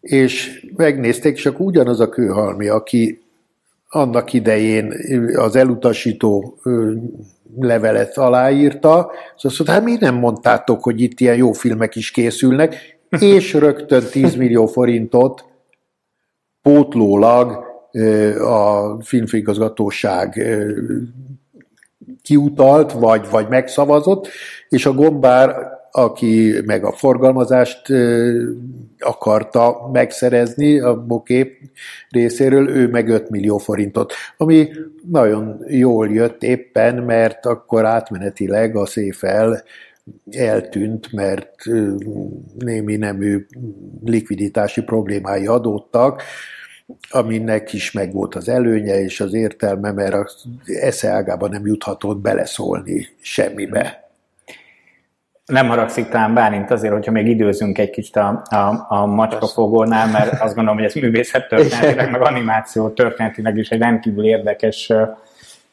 uh, film, sőt, több mint érdekes film. Volt-e bárki a, a Pannonia Filmstúdión belül, vagy azon kívül, aki mondjuk az alkotói folyamatba beleszólt volna? Nem, nem, nem. Pannoniában senki. A Széfel próbált idehozni, hogy ő majd hoz Hollywoodból ö, ö, ahhoz értő szakembereket, mm. akik majd ö, beleszólnak és megmondják a tutit is, hogy, hogy hogy kell ezt csinálni. És meg is jött két ö, fiatal emberrel, akik ö, mondtak egy-két érdekes dolgot, hát nem, nem érdekes dolgot, hanem megszívleledő dolgot. Például azt, hogy, hogy ne legyen, vér ne legyen, ha, durva, durva jelenet sorok ne legyenek, így ki lett hagyva, szerintem egy aranyos poén, hogy amikor a, a direktor feliratú ajtón belül egy nagy sikoltás hallatszik, és akkor nyilván akkor karmolja meg a tajfel a safraneket, de lesvenkel a kamera a direktor tábláról, és az ajtó alatt vér csurgadozik ki. Igen. Ezt kihagytuk. Nem hiányzik, hagy, könnyen meg lehet egy győzni. És még egy volt, hogy Amerik, és ez egy igazi jó tapasztalat, hogy gyerek, gyerek legyen, az, az nagyon hálás, a, a gyerekszereplő, és viszont jó lenne, ha nem csak negatív macskák lennének, hanem lenne valami átjárás más város. szóval átjárás köztük, és, és hát jó lenne, hogyha egy, egy szeretni való macska is kerül, és így került bele a, a Ketti néhány jelenet erejéig, akinek a Samu a Igen. kisegér a barátja, hogy, hogy ott, ott van, van azért a, a macskák és az egerek közt is. Igen, azért a, a kevés olyan magyar filmban, akár a szegény legényeket, vagy az egri csillagokat is, is sorolva, ahol szerintem senkinek nem kell elmagyarázni a szereplőket és a történeteket, mert annyiszor láttuk őket, hogy mindenki tudja, hogy ki a Ketty, és hogy ki a Safranek. Egy kérdés még eszembe jutott, a Rófusz mondta szintén, hogy ugye felmerült a légy hogy ki a légy, meg ki, a, ki az, aki a legyet üldözi, és van áthallása itt a szovjet birodalomra és a, a kommunista rendszerekre. A te esetedben fölmerült ez, hogy macskák és egerek, duális világrendszer? És... Nem, mert, mert valószínűleg akkor, amikor elutasították, akkor merülhetett ez, ez föl, de utána a gyártás folyamán már nem, és a készfilm esetén pedig egyedül a, a kritikusok, tehát az első kritikák azok voltak olyan tartózkodóak és óvatosak, és, és hát bizonyos kritikák megbélyegzőek, amik aztán később ez a hang teljesen elhalt és eltűnt, de be, ebben jelentkezett esetleg ez a, ez a fenntartás, vagy, vagy a, hát nem cenzúra, mert az utólagos cenzúra már nem, nem lehetett ezt már akkor betiltani, vagy, amikor elkészült a film, akkor a Pannoniába leültetek, készítettetek ott egy forgalmazási tervet, vagy volt egy elképzelés ott a, a, a, a vezetőségben, vagy bárkiben, vagy a német koprodukciós partnerben, hogy akkor ennek a filmnek mi lesz az útja? Kérdezem ezt azért is, mert ugye a Bálinték már egy új korszakban, volt itt nálunk a Bác Péter is, ugye vendégként nagyon tudatosan készülnek a saját maguk filmének fesztiváloztatására, vagy az, az általam is régebben működtetett Mecenatúra program esetében ugye a Mindenki című film, ami szintén egy, egy hát mondjuk azt, hogy egy ihletett tehetséggel jött ki az alkotók kezei közül, egy nagyon okos és felépített fesztivál útnak és forgalmazási útnak köszönhetően jutott el oda, ahol mondjuk mi azt, hogy megérdemeltem ugye az Oscar-t így, hogy volt egy ilyen gondolkodás annak idején? A Pannonia belül nem is lehetett. Az időben ez meg, volt osztva, szóval a magyar forgalmazás a mokép, a ö, külföldi pedig a hungarofilm. És a fesztiváloztatás is, ez mind a hungarofilm bonyolította és intézte, mint önálló kül, kül, külkereskedő delmi filmes cég, és semmi befolyásunk nem volt arra, hogy mit, ho, hova küldenek, időnként jött egy, megy a film, egy tudom én, Espinyóba, vagy akarsz menni, vagy Gotwaldobba, vagy mit tudom én, hova, bármelyik film. És akkor az ember azt mondta, hogy igen, vagy nem.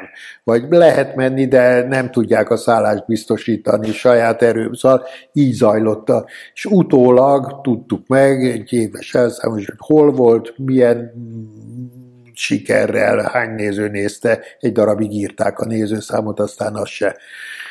Tehát Nem feltétlenül a legfontosabb, és vagy biztosan talán nem a legfontosabb, és nem is az egyetlen fokmérője ugye egy filmnek az, hogy milyen fesztivál díjakat nyer csupán, és nyilván az Oscar díj is sem minősít önmagában egy Oscar díjat nem megkapott filmet sem, de ugye ez sokszor fölmerült még akár a köztünk való beszélgetés során is, hogy az ember azért kicsit érthetetlen, hogy mondjuk a, a macskafogó miért nem kapott Oscar díjat, vagy a macskafogó miért nem kapott nagyobb amerikai forgalmazási sikert, hogy utána olvastam, én, én azt láttam, hogy azért a, az angol világban nem futotta be azt a pályát, amit befuthatott volna.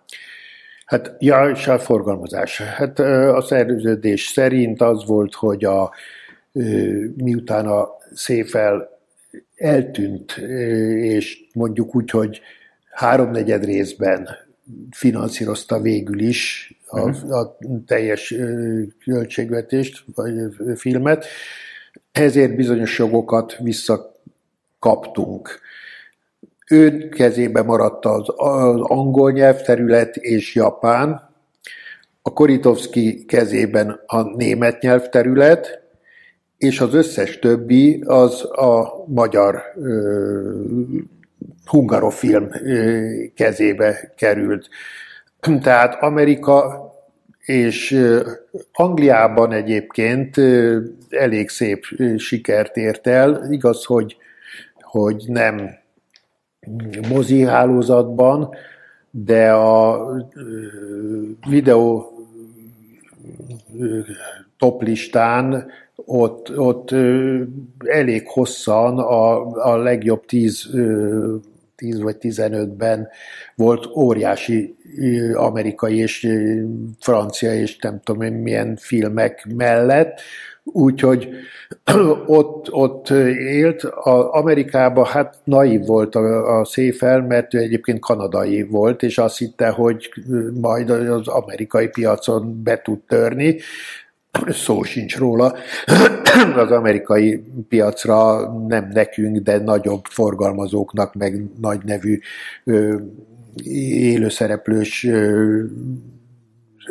filmeseknek se sikerül mindig be, bejutni. Úgyhogy ott, ott ilyen stúdióhálózat, meg, meg videokazetta formájában lehetett a, a filmet Tehát egy rosszul megválasztott forgalmazási metódus, egy rosszul megválasztott forgalmazási cég, vagy forgalmazó cég nek köszönhetően nem futott be nagyobb sikert ott, viszont érdekes módon a Szovjetunióban kultuszfilm lett. Ez eljutott hozzátok? Igen, meg van is egy orosz nyelvű kópiám, valaki megszerezte a videó, videó nekem, úgyhogy vicces, vicces egyébként hallgatni. De a Oszkára ugyan abban az évben végül is az egy nagy elégtétel volt nekem, hogy ugye elutasítják, nem, majd a, abban az évben a macskafogót jelölik Oscar díjra, de pehjemre nem animációs kategóriában, hanem a legjobb idegen nyelvű film kategóriájában, ahol azért a verseny lényegesen nagyobb volt, és kisebb eséllyel szerepelhetett, mint, mint hogyha az animációs kategóriába jelölik. Az biztosan mondhatom minden animációs filmrajongó, meg minden magyar filmrajongó tekintetében, hogy a mi szívünkben a macskafugó az többet ér, mint három Oscar díj, tehát Igen. azt gondolom, ebben túl nagyot nem is állítottam. Ami részleteket közben a nézők követhettek, és elhoztál ide nekünk, miért pont azokat választottad ki a macskafogóba?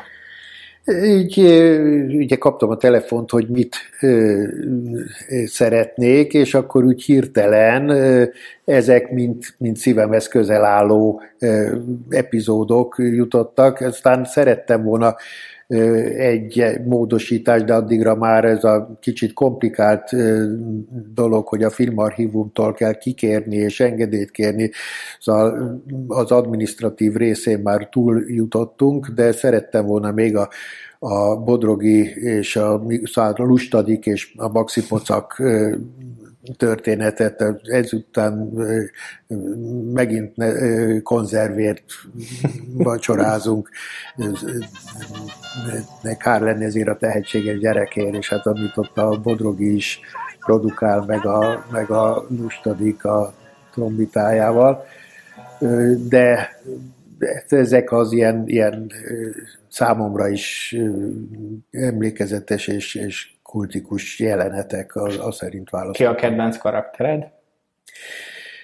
Hát mindig azt mondom, hogy Safranek érdekes módon én nagyon vonzódom a, a kisember, a, a megalázott kisemberhez, és a, itt, itt ő, ő a, talán a legszínesebb karakter, mert a, a tajfel az, az a kemény, mit a náci, hogy a, a mafiózó, gattó karakter, a, a blazírt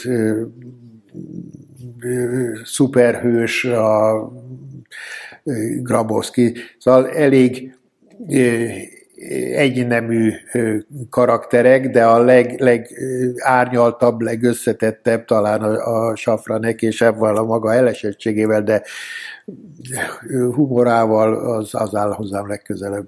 Csak Bálint, köszönöm a türelmet is, de azt gondolom nem türelmet kell, nem mikor, a, hogy hogy egy animációs alkotónak ma Magyarországon vannak ilyen tervei, egy fiatal animációs producernek vannak ilyen tervei, hogy egész estés filmet csinál?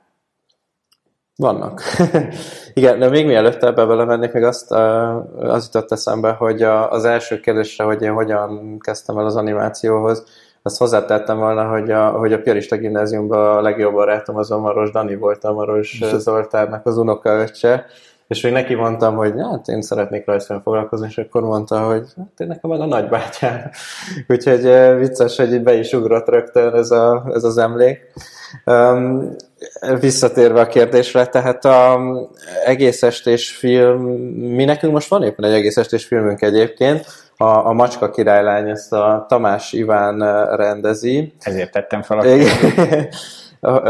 de, de igazából ez nem úgy indult, hogy mi egy egész estés filmet szeretnénk csinálni rögtön, hanem eredetileg arra gondoltunk, tehát ez egy ez is egy könyvadaptáció, és egy nagyon érdekes helyzet, hogy a Tamás Ivánnak a nővére Tamás Zsuzsa írta a könyvet, a Macska királylányt, ami a Macska Cicó című népmese feldolgozása, és elolvastam ezt a könyvet, és azt gondoltam, hogy ez, ez fantasztikus, nagyon mély történetet, egyszerre mai, és egyszerre pedig klasszikus, és beszéltünk az Ivánnal, hogy, hogy mert már dolgoztunk együtt, elég sokat dolgozott egyébként az átjáró másvárosba sorozaton, meg, meg több közös munkánk volt, és hogy nem gondolta arra, hogy ezt, a, ezt vagy készítsünk együtt filmet, és akkor ő hozott pár ötletet, és ez volt közötte, és akkor rögtön le, lecsaptunk rá Bellával, hogy ez fantasztikus.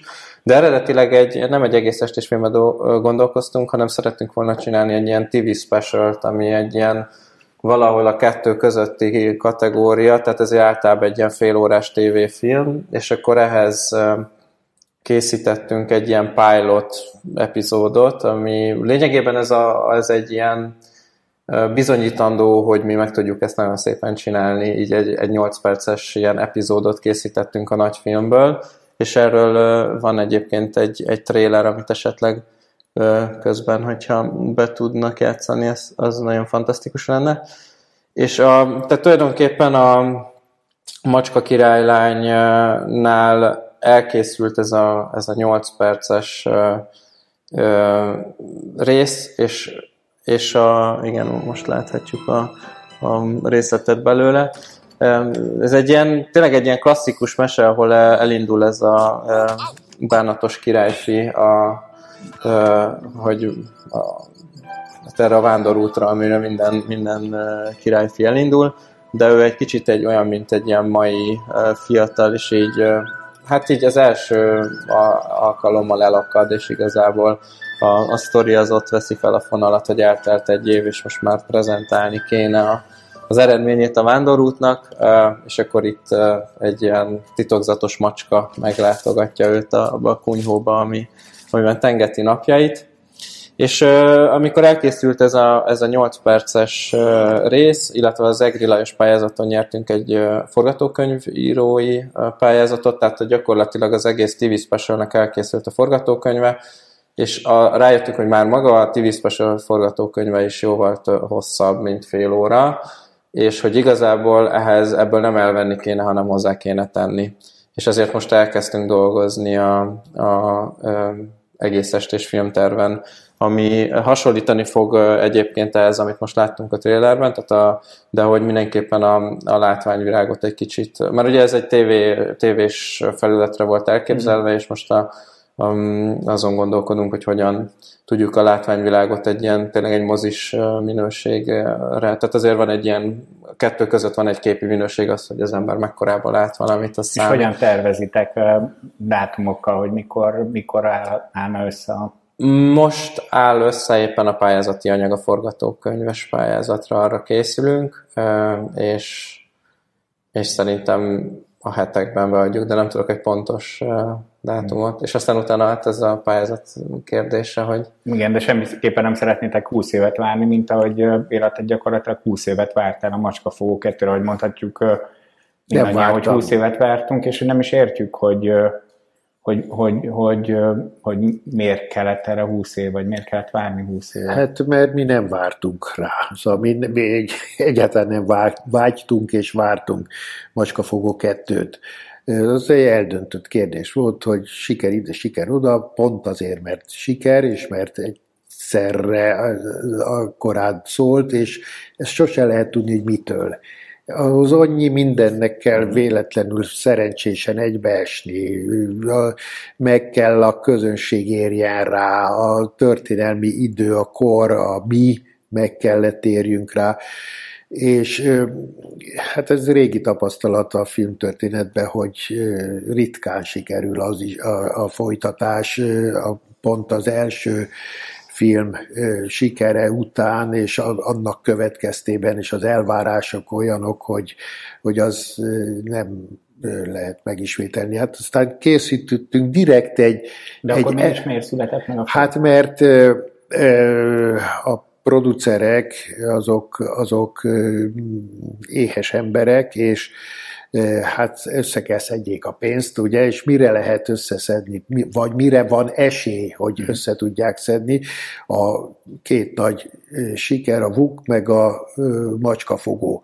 És ebben az ügyben állandóan kopogtattak, és törtek ránk, és jöttek saját forgatókönyvvel, mondtam, hogy képzelitek, ez ha, akkor ez csak Nep Ternovszki lehet, szóval itt nincs az, hogy most ő hoz egy Igen. folytatást, vagy egy ö, saját forgatókönyvet, úgyhogy így szépen ö, leszeletölődtek és elkezdtek eltűnni, de ö, aztán jött valaki, aki azt mondta, hogy persze, evidens, csak a NEP, és csak a NEP forgatókönyvből, és csak én, és bennem az azért az változott meg, hogy akkor az időben volt az, hogy azt hittem, hogy a magyar animációnak annyi. 2007-ben Befulladtak a, a állami támogatás, a televíziós rendelések, azt hittük, hogy a kereskedelmi televíziós beindulásával újabb aranykor indul el, és megint a széteső panóniát össze lehet, vagy föl kell újra fejleszteni. 2000-es évek közepén Igen, vagyunk. szó sincs erről, és a nagyon tehetséges 20-30 év alatt kifejlődött munkatársi gárda szétszélett, külföldre ment, bérmunkába, bérstúdióban helyezkedett el, és akkor én azt mondtam, hogy ez még mielőtt így megszűnnénk, én nagyon boldog lennék, hogyha a kollégákat, magyar, magyar kollégáknak, magyar forgatókönyv, magyar rendezésben, magyar alkotókkal tudnánk valamit csinálni. Mert ezelőtt csak, bocsánat, hogy egy életrajz, nem, 1999-ben készítetted előtt az, a, az egész estés filmedet, ugye? Egér úr címmel, és akkor 99-től 2005-ig gyakorlatilag nem is tudták készíteni egész estés filmet. Nem, nem, nem, nem, nem. Nem is esély sem volt rá. Most ki, ki producer sem, hát szóval nem, nem, nem volt esély rá. Jöttek, akik azt mondták, hogy ők, ők összeszedik rá a pénzt, mennyi lenne most. És akkor mi mondtunk egy összeget, hogy de a NEP az még mindig, hát de nem, nem, nem, nem, nem, ugyan már. De én ezzel meggyőztem őt, hogy én ezt szeretném ezért, a kollégák és a műfaj szempontjából, ő meg én miattam kötélnek állt, és akkor írt egy-két, három verziót, és abból, abból aztán az, az lett, hogy na ez, ez, ez jó, olyan, olyan, amit vállalunk. De közben csak mondom, hogy az az egérút, az direkt, mint egy anti-macskafogó akart volna készülni. Ez más technikával is kés. Más technikával, de én akkor már kezdődött ez a nagyon fölpörgetett, nagyon más ritmusú animációs divat lenni, és én azt mondtam, hogy szeretném én azt egy olyan gyerekfilmet csinálni, ami, ami egy ilyen hagyományosabb, lassabb, valami olyasmi, amikor gyerekkoromban a nagyanyám leült mellém és mesélt, és én abban úgy, úgy megnyugodva elaludtam. Tehát nem fölzaklatni akartam volna, hanem egy mesél, mesélni egy... De azt mondjuk el, hogy ugyanazzal az alkotói csapattal. Ugyanazzal az alkotói csapattal. ember vagy. Hát ezek után, hogy ez egyrészt költségvetésben egy hát erősen visszafogott lehetőségekkel bíró produkció volt, és a szándékait illetően is nem egy ilyen nagy kiállítású projekt, de úgy lett beharangozva, hogy a macskafogó alkotóinak vadonatúj filmje Na most, ha így ül be a néző a moziba, akkor a felénél föláll és kimegy, mert más kap. egészen mást kap. Kritikában is ezek után ez a, a fanyalgó, és hát természetesen nem, nem elment az ember kedve ezek De a szakmától nem kaptál rossz kritikákat. A szakmától nem. A szakmától nem, és a vicc az, hogy később, amikor aztán DVD-n megjelent, meg, akkor, akkor szeretik, szerették az emberek a közönség, de, de hát az első reakció, szóval rossz a, rossz a, persze szenzációból macskafogóval kell eladni mindent, miközben semmi, semmi köze hozzá. Na, a Bacskafogó kettőnél aztán hát legnagyobb megdöbbenésünkre előálltak a producerek, hogy megvan a pénzt, összeszedték innen, onnan, amonnan, úgyhogy mese nincs, indulni kell. És akkor ért a kellemetlen meglepetés, akkor stábot akartam összehozni, hogy a velem egy, egyivásúak, vagy egy produkcióban dolgozókat hiába hívom, vagy azt mondja, én most már nyugdíjba mentem, én már nem. A másik, hogy én nem merem itt hagyni azt a bér, bérmunka stúdiót, mert azt mondták, ha én onnan elmegyek két évre, akkor oda többet vissza nem mehetek, és nekem ez a biztos megélhetésem. Úgyhogy hát az eredeti szándékom, hogy a magyar kollégáknak rangos munkát biztosítva egy összeráncsam még egyszer a csapatot. Ez csak részben sikerült, és végül is aztán volt, hogy ukránokkal, jugoszlávokkal kellett befejezzük a, a filmet. Jó erőkkel, nem arról van szó. De de szóval nem akartuk, mi nem akartunk soha Macskafogó kettőt. És hogy viszonyulsz ez a filmhez? Vállalható. Abszolút vállalható. Szakmailag nagyon korrektnek tartom, ha nem macskafogó nem véletlenül nem is azt adtuk a címet neki, hogy, hogy ne, ne legyen azonnal ez egy összehasonlítás és elvárás, hanem, hanem a, hát igen, sajnos az a macskafogó kettő, az sátán kutyája, kutyája, kutyája. Macska. 2000-es évek közepe nehéz volt filmfinanszírozás szempontjából, ugye megpróbálkoztatok, amiről szerintem kevesen tudnak, a Mézga család új sorozatának elindítása, a Mézga család és a számítógép címmel, és azt is kevesen tudják, hogy valójában új főcímdal is született, ugye, ami a számítógépre utal, azt is a Nep József írta? Nep József írta, igen. Két rész született. Ugye? Két rész született. Ez megint az a kategória volt, hogy hát miért kell a Mézga egy és a kettő közt is elég nagy időt telt el. A Mézga első sikere után a televízió, meg a közönség, hogy úgy mondjam, követelte vagy igényelte a folytatást.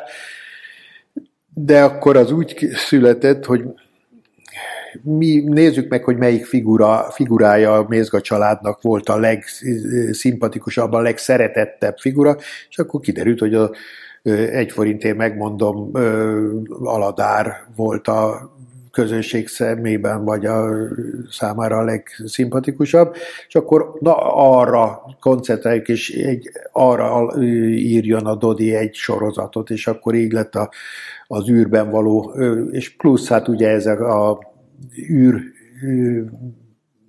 az űrutazások és az űrhajós történetek, azok, azok is kezdtek nagyon népszerűvé válni, de kiderült, hogy, hogy nem, nem igazán, ott is egy ilyen csalódás.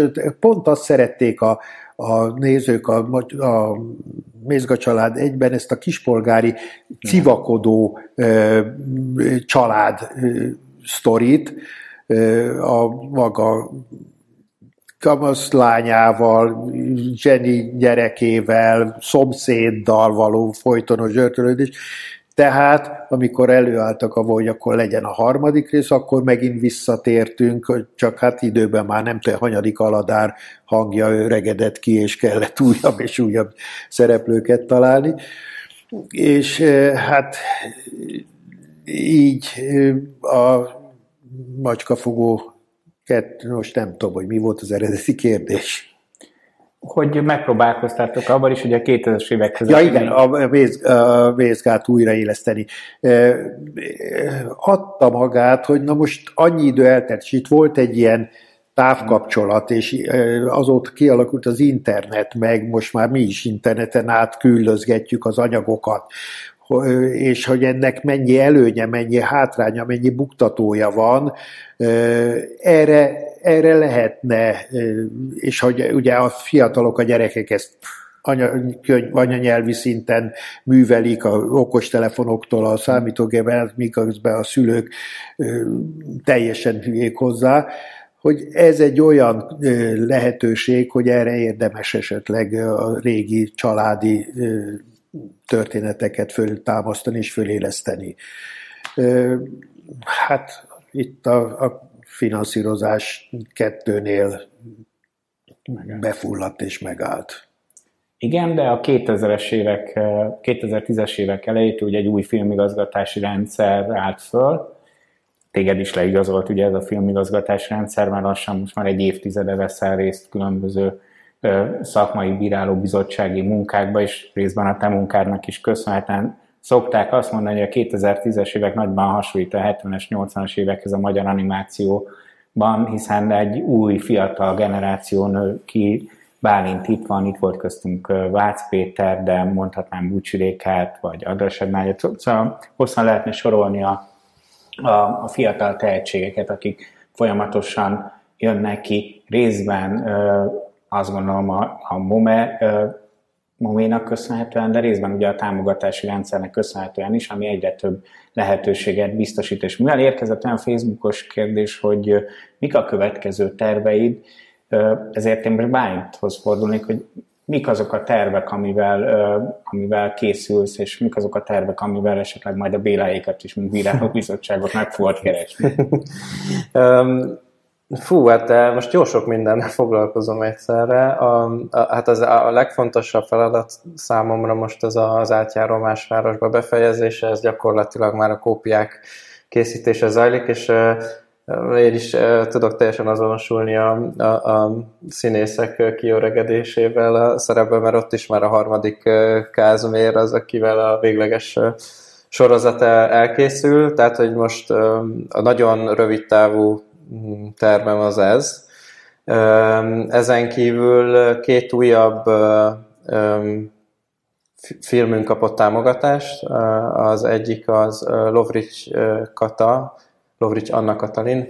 Aki szintén egy fiatal. Aki szintén, ő ugye a Vulkán Sziget című diplomafilmjével Berlinben debütált, és, és vele egy gyereksorozatot készítünk Rozi és Zafir címmel, és, és egyébként itt is tudok kapcsolódni, a, hogy, hogy ez is egy pont, egy, pont az volt az ötletünk, hogy, hogy olyan, tehát hogy ne annyira ilyen akciódús, hanem egy, egy, ilyen, egy olyan megnyugtató sorozatot készítsünk, úgyhogy pont azon gondolkodtam, miközben erről beszéltél, hogy ez egy kicsit olyan, mintha a Rozi és Zafirról beszélnénk egy kicsit. Tehát annak készül a pilot epizódja, és Hegyi Oliverrel készítünk egy rövid filmet, ő neki pedig 2017-ben debütált Ansiban a Take Me Please című rövid filmje, a diplomafilm, és akkor vele egy új rövid filmen dolgozunk, és azt hiszem, hogy ahhoz egyébként van egy részletünk is. És most már te abszolút produceri ágon Hát ugye a másvárost azt rendezem. Én mindig, én kicsit ilyen megosztva dolgozom, tehát egyrésztről rendezem a saját sorozatomat, hogyha ennek vége van, akkor szerintem én nem szeretném feladni a rendezői ambícióimat, de emellett én teljesen producerként működtem. Még, még egy filmről szeretnék beszélni, ez Daniel Gray Hyde eredeti címen és Buvóhely magyarul című filmje, ez ugye egy kanadai-francia-magyar koprodukció. Ebből láthatunk egy részletet egyébként, a, mielőtt elkezdődött ez a beszélgetés, és ez a, a film az, ami, um, amivel most végre így a, kiszabadulva ebből a egyéves home office-ból már fel tudunk menni fesztiválokra, ez Ottavában mutatkozott be ez a film, és két hete voltunk vele Zágrában, ahol, ahol igen, ez a, a, a Hyde című film. Ez egy, hát egy fantasztikus élmény egyébként kikerülni egy, ebből a, ezután az egy év után újra a fesztiválokra menni, és Zágrában külön díjat kapott egyébként ez a film, meg előtte itthon a Friss Hús Fesztiválon is külön díjat kapott. Úgyhogy Dennel pedig szintén egy újabb filmen gondolkodunk, és ez egy, ez egy gyerekfilm lesz, mert ez a, a, a buvóhely az nem egy kifejezetten gyerekfilm, mondhatni, hogy ez egyáltalán nem gyerekeknek való. És hát ezeken dolgozunk, ugye Macska királylány egész estés, ez most eléggé lefoglal, de mindenképpen nekem egyébként volt egy rövid filmötletem, a, mielőtt a másvárost elkezdtem volna tervezni. Úgyhogy én, én valahol egy kicsit vágyom arra, hogy még egy rövid filmet csináljak, úgyhogy lehet, hogy ez lesz a következő lépés. A Nemzeti Filmintézet Animációs Bíráló Bizottságában ugye Varsányi Ferenc, Szórádi Csaba régi munkatársad és kollégát több filmben Kerek Béla, aki Csupó Gábornál ugye árdirektori pozíciót töltött be, és a döntőbizottságban pedig Ternovszik Béla állt, tehát hogy egészen biztosan a, a, a fiatal magyar animációsok jó kezekben vannak, hogyha a forráselosztási rendszerek döntését, szakmai döntését nézzük. Viszont érkezett még kér, kérdés a, a kedves nézőktől, és a Bélához szól elsősorban, hogy előfordul-e, hogy egy megszületett karakternek a karakter megszólalt benned, és be tud azonosítani, hogy melyik színészhez melyik karakter kéne társítani. Illetve egy érkezett egy egy szintén nagyon izgalmas kérdés, hogy lehet-e a rajzfilm karaktereket, vagy készítettél-e úgy rajzfilm karaktereket, hogy elve színművészre rajzoltad őket, vagy készítetted őket, és még érkezett hozzád kérdés az, hogy, hogy, hogy miket tervezel? Tervezel még saját önálló alkotói művet létrehozni? Akkor ez könnyebben megválaszolom. Nem nem, ez a, az egy mindenféle, akár rövid, akár sorozat, akár egész estés, az egy olyan fokú napi jelenlétet igényel és kíván, amiből, amiből most már úgy ki, kikoptam, vagy azt nem szívesen vállalnám föl.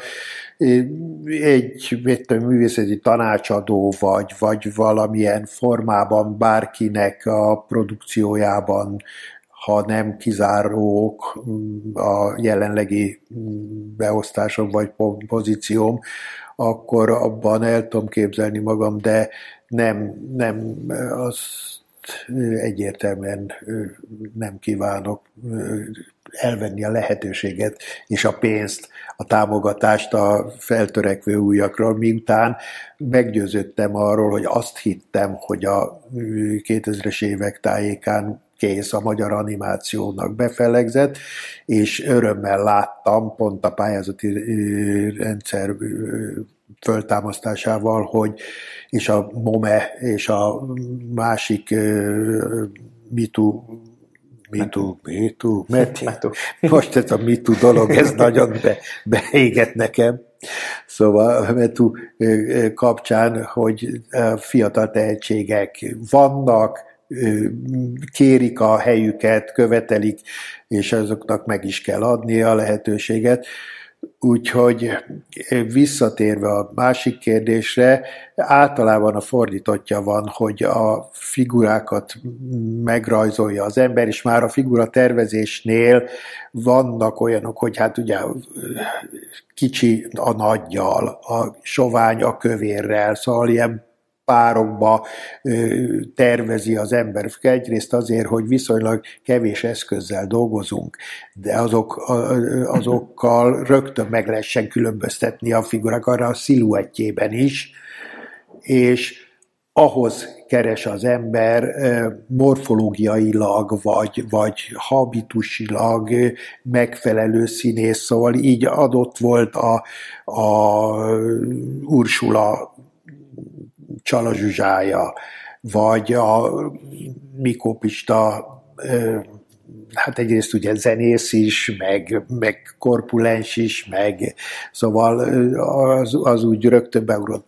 Érdekes volt a Tajfelnél, a mai fiatalok nem tudják, létezett egy nagyon-nagyon jó színész, Gelei Kornél nevű, aki magas, sovány volt, és általában antipatikus, negatív szerepeket játszattak vele, és rögtön ő ugrott be, mire oda került volna a sor?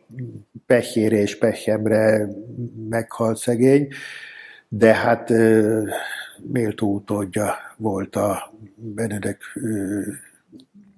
úgyhogy a Bodroginál nincs egy ilyen, ilyen direkt alkati kapcsolat, de hát Bodrogira voltak olyan színész alkatok, akikre bármikor bármit, bárkit. Hát az egyik ilyen aki az egész magyar népességet végig narrálta, ez már a kor színész, Szabó Gyuszi. De ő, ő bubótól elkezdve bármire rá lehetett bízni, és ezer hangja volt, és állandó szereplő. De visszatér, igen, vannak ilyen alkati hasonlóságok, amik szerint az ember színészt választ. Inkább ez van, mint hogy színészre rajzoljak figurát ha nem tudom, egyetértesz vele. Teljesen így van. A, más városnál is ugyanígy volt, hogy um, nekem ebben nagy segítség volt El Moro Forát, aki, bese, aki színkonrendező volt, és uh, volt, amikor én mondtam, hogy nekem mi az elképzelésem, és volt, amikor, amikor és, és font, én, én, amikor már a hangstúdióban ott vagyunk, és hallom, akkor már rögtön, hogy ez pontosan az, amire gondoltam, és ez így így kelnek életre a karakterek. De általában mindig az volt, hogy először mutattam egy képet, hogy így néz, így néz ki a karakter, és amúgy ő, ő ezzel foglalkozik, ilyen, ilyen habitusa van, és akkor, akkor így, így készültek. Sajnos a mi beszélgetésünknek meg időkerete van, és nagyon szépen köszönöm Bálintnak, Bélának a lehetőséget, óriási élmény volt nekem is, remélem a, a nézőknek is. Nagy elődök, méltó utódok, hagyomány és haladás, köszönjük szépen, hogy itt voltatok, mind a kettőtöknek. Azt gondolom, hogy, hogy remek este volt, és igazán sokat tanultunk belőle mindannyian. Köszönöm szépen. Köszönjük. Nagyon szépen köszönöm. Köszönjük.